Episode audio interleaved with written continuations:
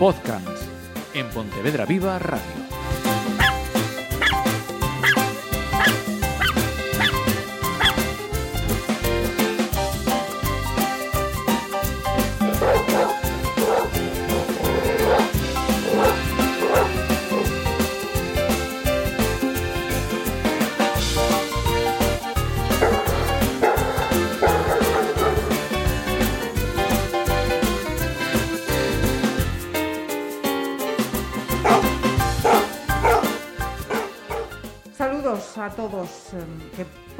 Ponerle ya podcaneros y podcaneras. Sí, ¿no? sí, sí, ya tiene nombre como los youtubers, igual. Tenemos aquí ya un, un club ya Totalmente. totalmente oficial. Diego Álvarez, nuestro educador eh, canino en Pontevedra Viva Radio, fundamental para este programa que nos ha traído hoy un programa así muy que na- nadie mm, se, se pierda, cultureta, Exacto, exacto. pero cultureta humana y, y canina, justo. Eh, a ver, extraje porque es un libro que estoy leyendo ahora. En su momento ya lo recomendé y, y la verdad es que me, me- me- me resultó muy atractivo e interesante para, para- para hacerlo, o sea, para proponerlo en el programa. Es del libro que, que, había- que os, que os comentaba, el de Perros Sueltos y Libres, una guía de campo para dar a eh, tu perro la mejor vida posible, de Mark Bekoff y Jessica Pierce. Estuve practicando todo el fin de semana los nombres. La pronunciación. Sí, sí, lo metí en pues, Google y dije, ver cómo- sobresaliente. Bien, bien. Y entonces es un poco comparando eso, eh, cuando vemos determinadas eh, actitudes de los perros, que evidentemente pues a nivel humano no tienen cabida, y a la inversa igual, y lo que he hablado muchas veces, el famoso antropomorfismo, el, el humanizar a los, a los perros. Ajá. Entonces la verdad es que, aunque está escrito de forma seria, lógicamente, pues me hizo esta gracia, porque sí que es cierto, por ejemplo, la primera de todas, eh, en la cultura humana, pues eh, traseros e ingles son áreas íntimas que no pueden oler ni tocar extraños. Hombre, bien mirado, incluso aunque no sea extraño, yo no soy extraño tuyo y no se me ocurre olerte tampoco el culo. Pero en el caso de los perros, pues eh, el, el oler trasero e inglés, y incluso orejas, boca, eh, es una conducta perfectamente natural y es comparable a saludar a alguien diciendo cómo estás y obtener una respuesta. Ajá. ¿Vale? O sea que lo que nos has traído para hoy es una comparativa de cómo entendemos eh, los humanos unos comportamientos normales eh, en los perros. Exactamente. Y sobre todo que no inhibamos esos comportamientos. Lo típico de, de que eh, van eso, pues a oler el culo de otro perro, o incluso que un perro vaya por la calle y huela la mierda, por desgracia, de otro perro, eh, es un comportamiento totalmente normal y natural. Evidentemente que se coma esa mierda no. Lo antinatural es el cerdo del dueño que no ha recogido esa mierda, eso sí es antinatural. Eh, pero es normal y que, lea, y, que, lean, sí, porque realmente es como si estuviesen leyendo información.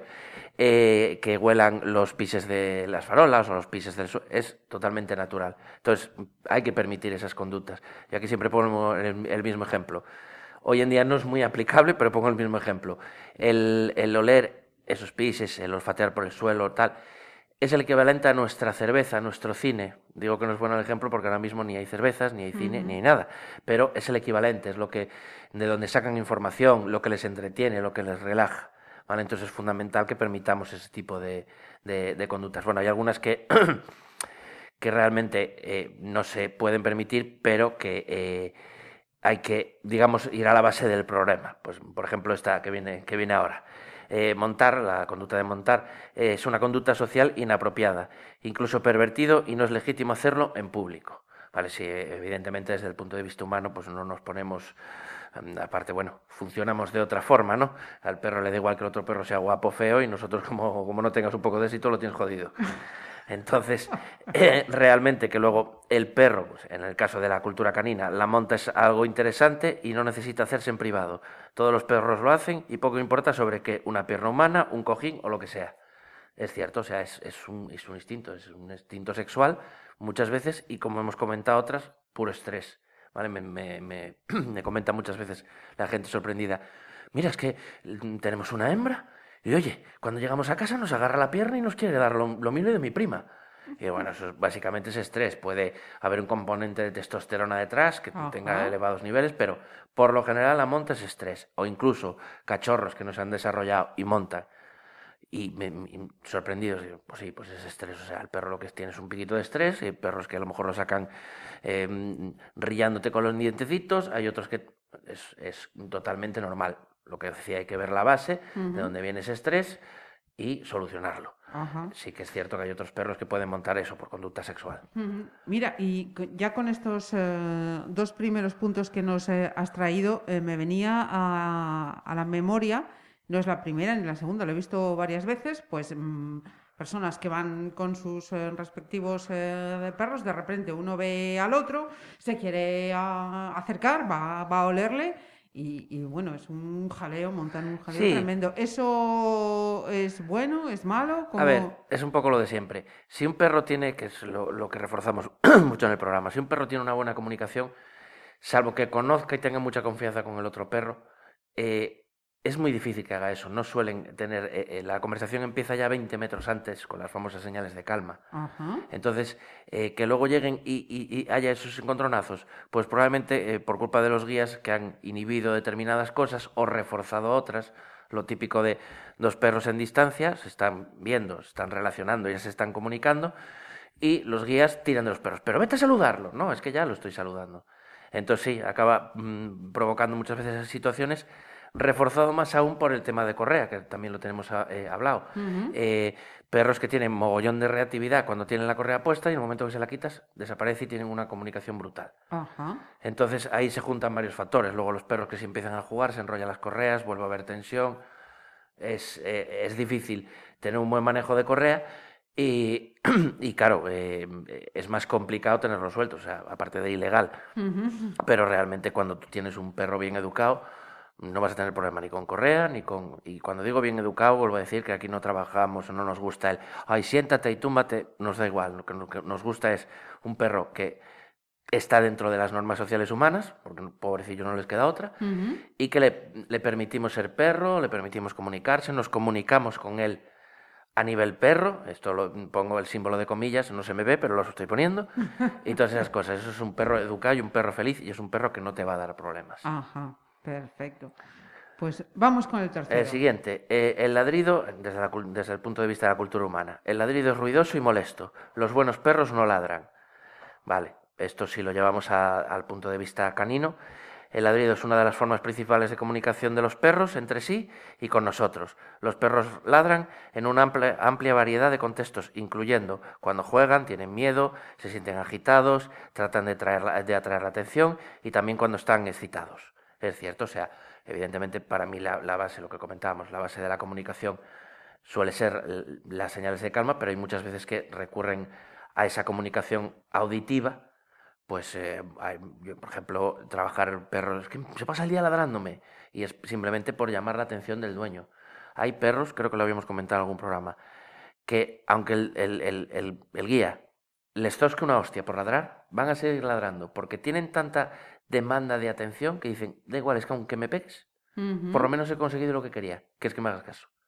Entonces, muchas veces, lo que comentábamos antes, eh, hay que incluso ignorar determinados comportamientos y además irnos a la base. ¿Por qué ladra tanto? ¿Vale?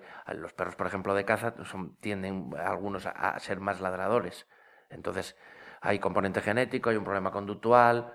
A ver, un perro que se queda solo en casa y está todo el día ladrando, pues es probablemente porque tiene un problema de queda- que no sabe quedarse solo en casa.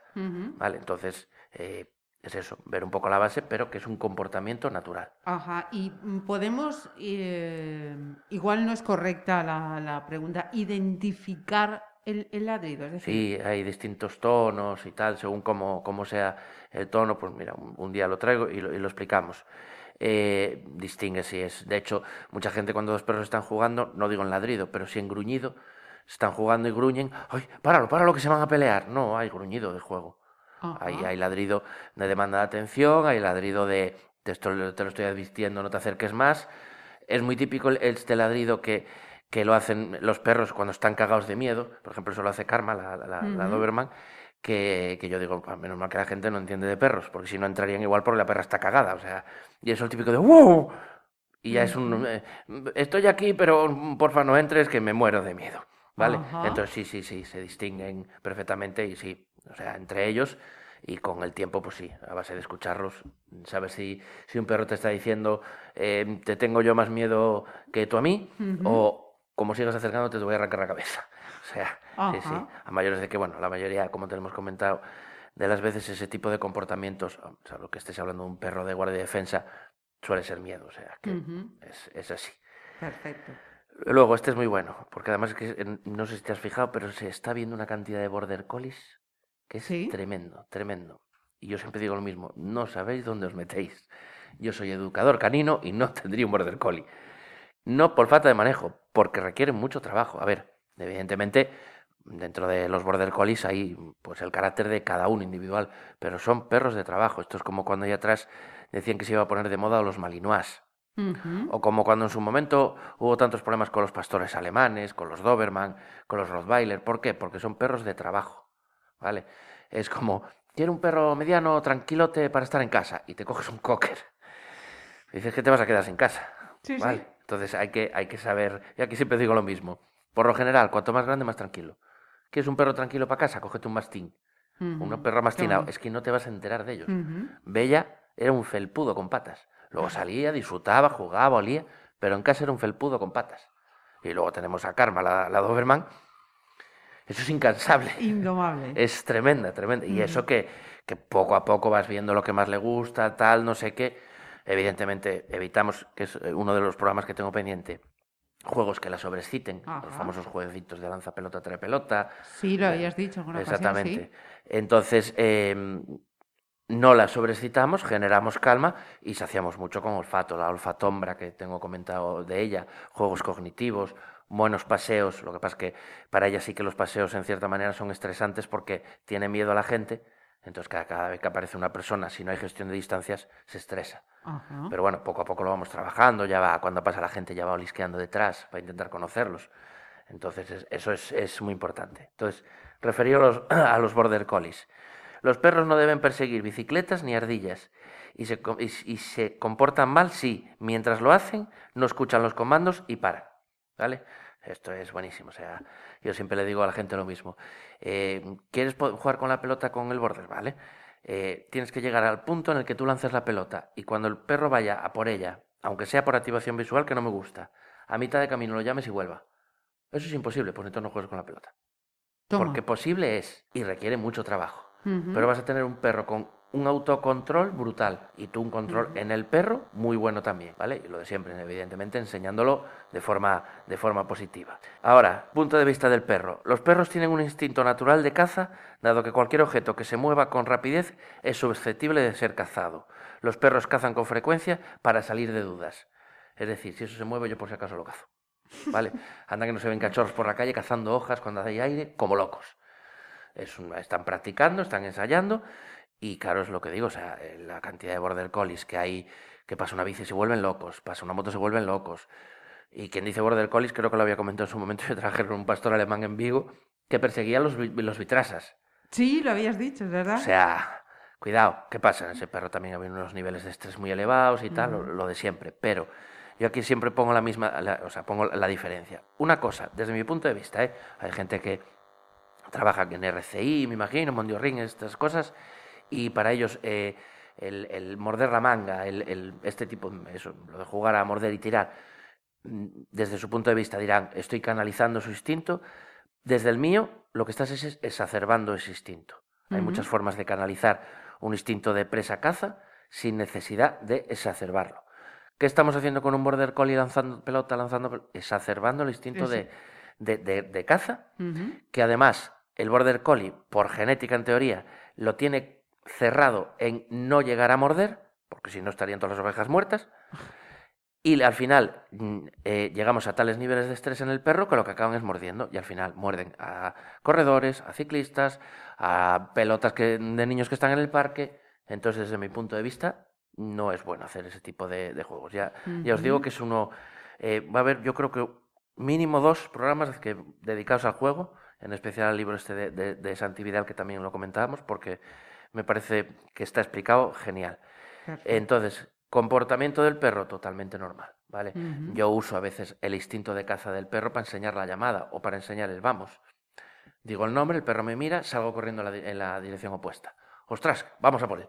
Los colocas. Exactamente. Luego, cuando yo veo que el perro se acerca, yo voy decelerando, con lo que el perro se va relajando y cuando llega a mi altura, sí, lleva su chuche. ¿Vale? Entonces, sí se puede usar en beneficio, pero precaución porque al final lo estamos, lo estamos usando, lo estamos degenerando ese instinto y acabamos con problemas gordos, gordos. Hace mucha gracia esto de, mira cómo sigue el ciclista. Al ciclista igual no le hace tanta. Eh, me imagino que... no, lo digo como corredora. pues mira, te habrá pasado más de una vez ir corriendo y el perro, me cago en... Sí, sí, por eso. Vale, desde el punto de vista humano, cuando un perro se niega a obedecer un comando y no responde a lo que una persona quiere, el perro está siendo consciente, testarudo y obstinado. ¿Vale? Esto es lo típico de es que se vuelve se vuelve sordo según no, no, no, se vuelve sordo según no. Si la llamada está bien trabajada y aquí, no tiene que haber problema. exactamente. Y aquí también siempre pongo el mismo ejemplo. Estamos en la calle eh, llama cuando, cuando, o sea, cuando lo llamas viene. Sí, suéltalo. Ay, no, no, no, aquí no, se me larga. ¿Y entonces dónde? En casa. En casa, te comento, o sea, es normal que vengan, no hay estímulos. Y segundo, por lo que me estás diciendo, si el perro tuviese pulgar y llaves, seguramente se largaría. ¿Vale? Entonces, no es cuestión ni de testarudez ni de obstinación, es cuestión de si está o no está trabajado, eh, pues eso, sea la llamada o sea lo que sea.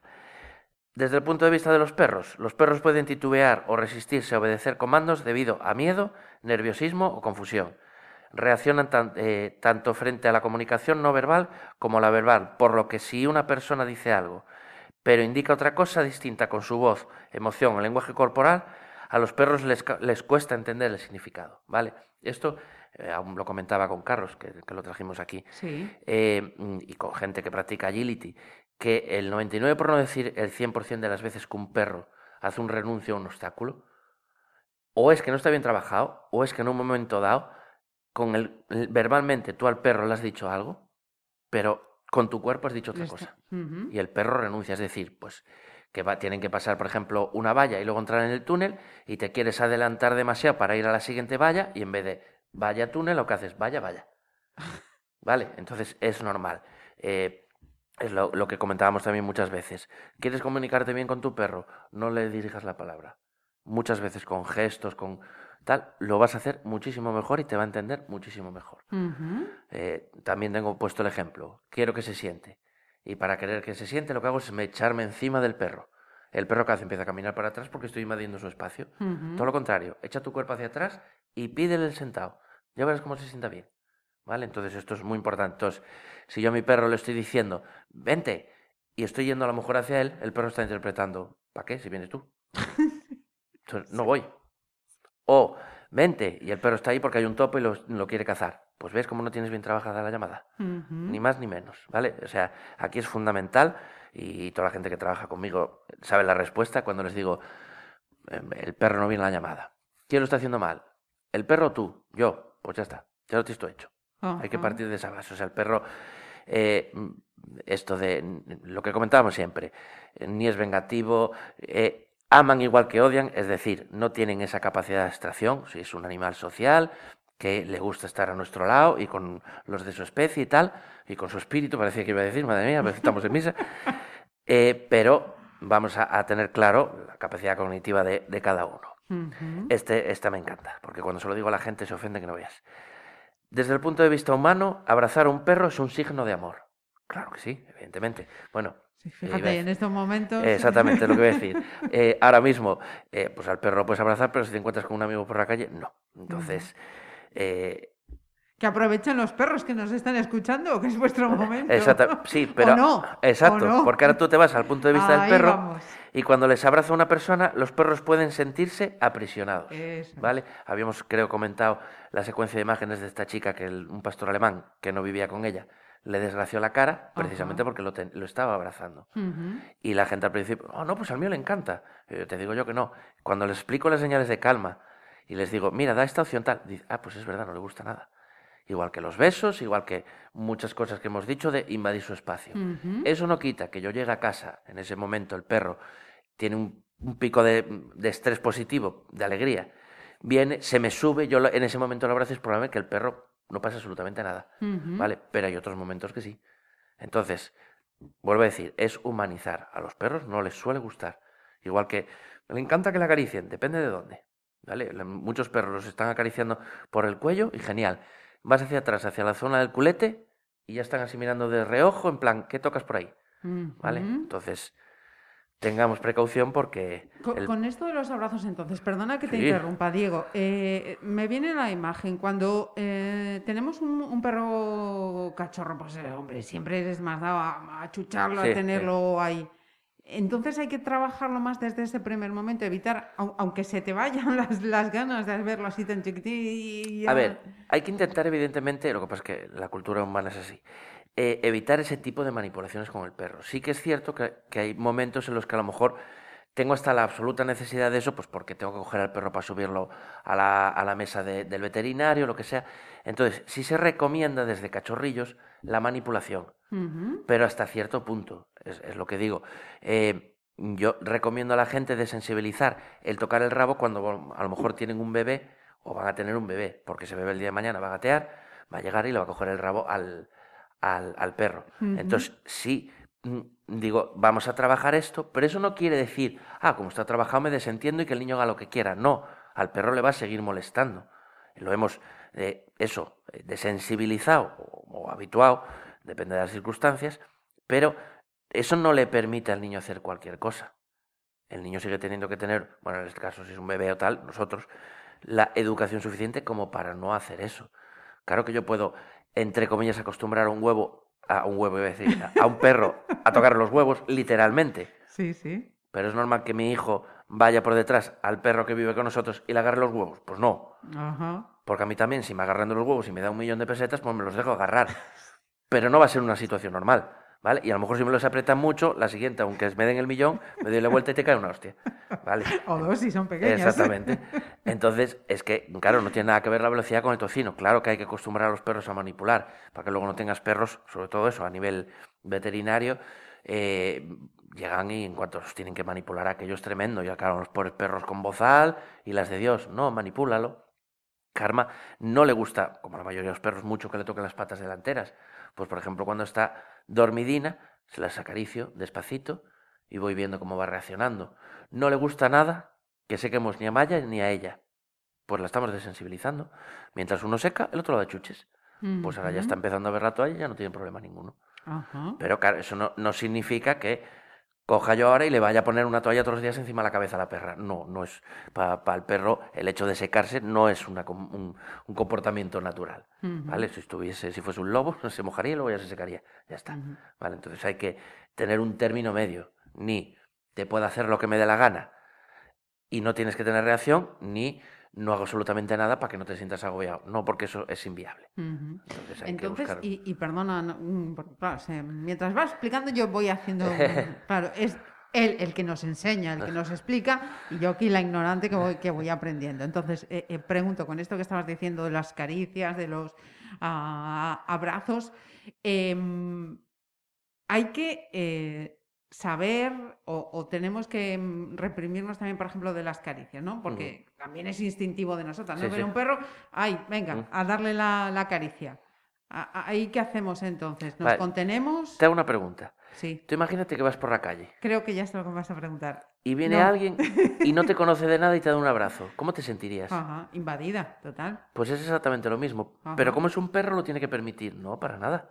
Para nada. O sea, vuelvo a decir, incluso, aunque sea el perro que vive contigo, seguramente habrá cosas que hagas que no le gusten. Pues o trabájalo o deja de hacerlo directamente. Entonces, eh, o es, yo voy por la, por la calle con mi hijo y pasa alguien y coge y le acaricia la cabeza. ¿Pero por qué tienes es. que tocar a mi hijo?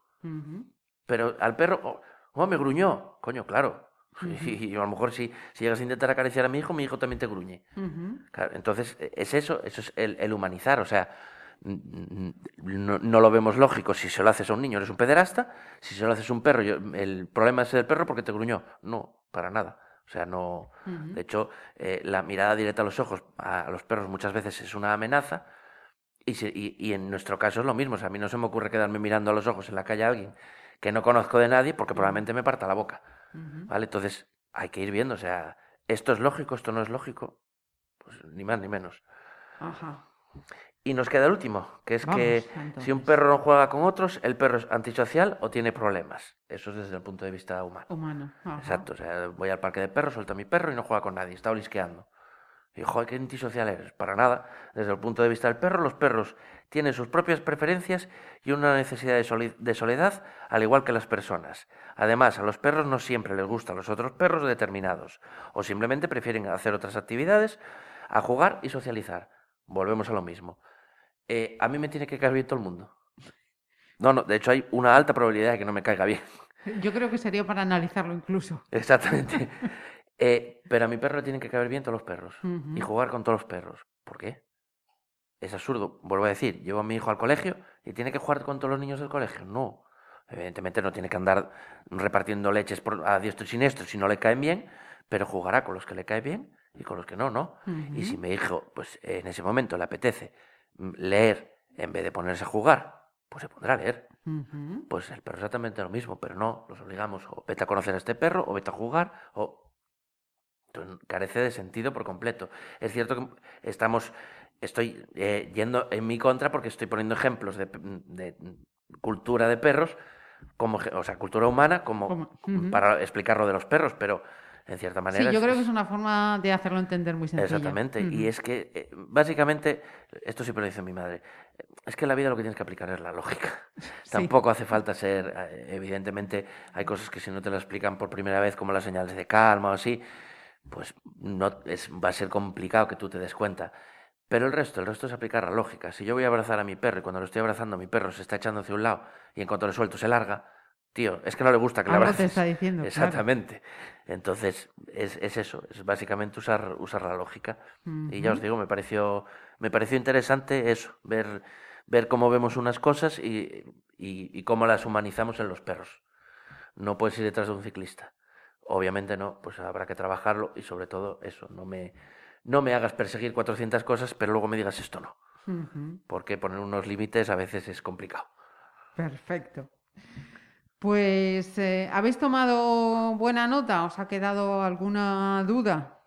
Pues la solución ya sabéis cuál es. Correo electrónico podcast.gmail.com Y los clásicos. Los clásicos. En el caso de- de- del libro no, no me rompí la cabeza. Dije, pues este, ¿de dónde saqué tenemos, esto? claro. Ni más ni menos. Luego la frase dije, "Ah, a ver si el, el autor del libro tiene alguna frase así chula. Y la verdad es que tiene una muy buena, que es nuevamente el tema este de, de que todo, todo, es, todo es nuestro. ¿eh? O sea, es cierto que no hay otra forma de explicarlo, pero siempre es mi hijo, mi pareja, mi perro. ¿Qué pasa? Que en mi hijo y en mi pareja no lo interpretamos como una propiedad.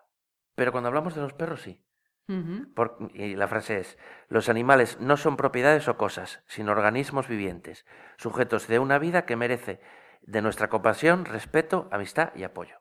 Y es que es verdad, o sea, es eso. eh, eh, cuando- Sentido de posesión. Totalmente. Entonces, o sea, y, y, y como cuando compramos un, un- ¿cómo se llama esto? Un sofá. Como lo voy a comprar yo y es mi sofá, lo quiero así. Como es mi perro, tiene que hacer lo que a mí me da la gana. Sin embargo, a mí no se me ocurre decir, mm, quiero que mi hijo haga exactamente, que el día de mañana estudie tal carrera. No, tendré que orientarle y que sea él que decida lo que le gusta, carrera o FP, o simplemente se quiere preparar en lo que le dé la gana. ¿Vale? Pero sin embargo, con los perros es así. O sea, seguimos teniendo un concepto de, de esto es así porque yo te lo digo y punto. Entonces me, me pareció muy buena frase. Sí, y algo que tengo que decir que a mí se me escapa muchas veces, eh, el dueño de ese perro. Exactamente. Yo lo intento, a veces aquí me sale, porque muchas veces cuando hablo con clientes, si digo, ah, claro, porque el guía tiene que, que- el guía, el que, dueño, yo no uso dueño, uso, uso guía. es. Pero sí, sí, es que dueño no, o sea, dueño no, es dueño de una propiedad. Es inviable ser, bueno, salvo la esclavitud, pero es inviable ser el dueño de una vida. Como mucho de la tuya, y yo creo que ni eso, porque llega el COVID y se te salchicha, o sea que no eres dueño de nada. Entonces es muy importante eh, cambiar los conceptos desde la base. No, no, eh, me- evidentemente no puede haber maltrato animal y tal, pero se sigue dando determinados conceptos, y quien dice tema perros, dice- que lo tenemos comentado muchas veces, tema eh, de, del maltrato a la mujer y estas entonces, es muy probable que estos, esta ge- gente, por llamarlos algo, cuando dice mi mujer, sí que su concepto sea eres mía. Sí, y no es de, exactamente, y no es de nadie. Entonces, hay que, desde pequeñitos, desde el cole, hay que Ir educando. ir educando, exactamente. Y luego nos queda pues la, la adopción. La- Perfecto. En este caso volvemos a nuestros amigos de Vigo de Tú eres nuestra ayuda. Eh, se trata de un, un macho que se llama Rambo, dos añitos. Es, eh, bueno, está castrado y microchipado. Es algo inseguro con personas, luego coge confianza y bien. Y sociable con, con perros. La foto es muy chula, una cara muy simpática. Y nada, eh, bueno, el teléfono ya lo ponéis, que no me acuerdo de Sí, ahora lo mismo cuál es. tenemos ya de otros de otras programas, lo veces. vinculamos. Ujú. Y, y a ver si le, si le encontramos una, una casilla. Pues ojalá, porque el último protagonista de podcast, que fue Chuli, ya he visto que tiene nueva familia. Ah, el, el el Sí. sacerdote que había fallecido. Sí, Sí, sí, ya está adoptado, ya está adoptado, correcto, sí. Tuvimos ahí en, en la canceira, eh, uno se lo, eh, se lo adoptó eh, el hermano de, de Rocío. eh, luego les eché una maniña con, con Gandalf, un perro muy, muy, muy mayor que fue en esos días que, que se congelaba todo. Y está por ahora en casa de acogida y por ahora parece que va bien la cosa. Y luego fue lo de, lo de Chuli. Pues terminamos con buenas noticias. Sí, que cuesta, en estos días cuesta. Ya lo creo que Jesús. cuesta, ya lo creo que cuesta. Pues Diego Álvarez, muchísimas gracias. A vosotros. Un programa más.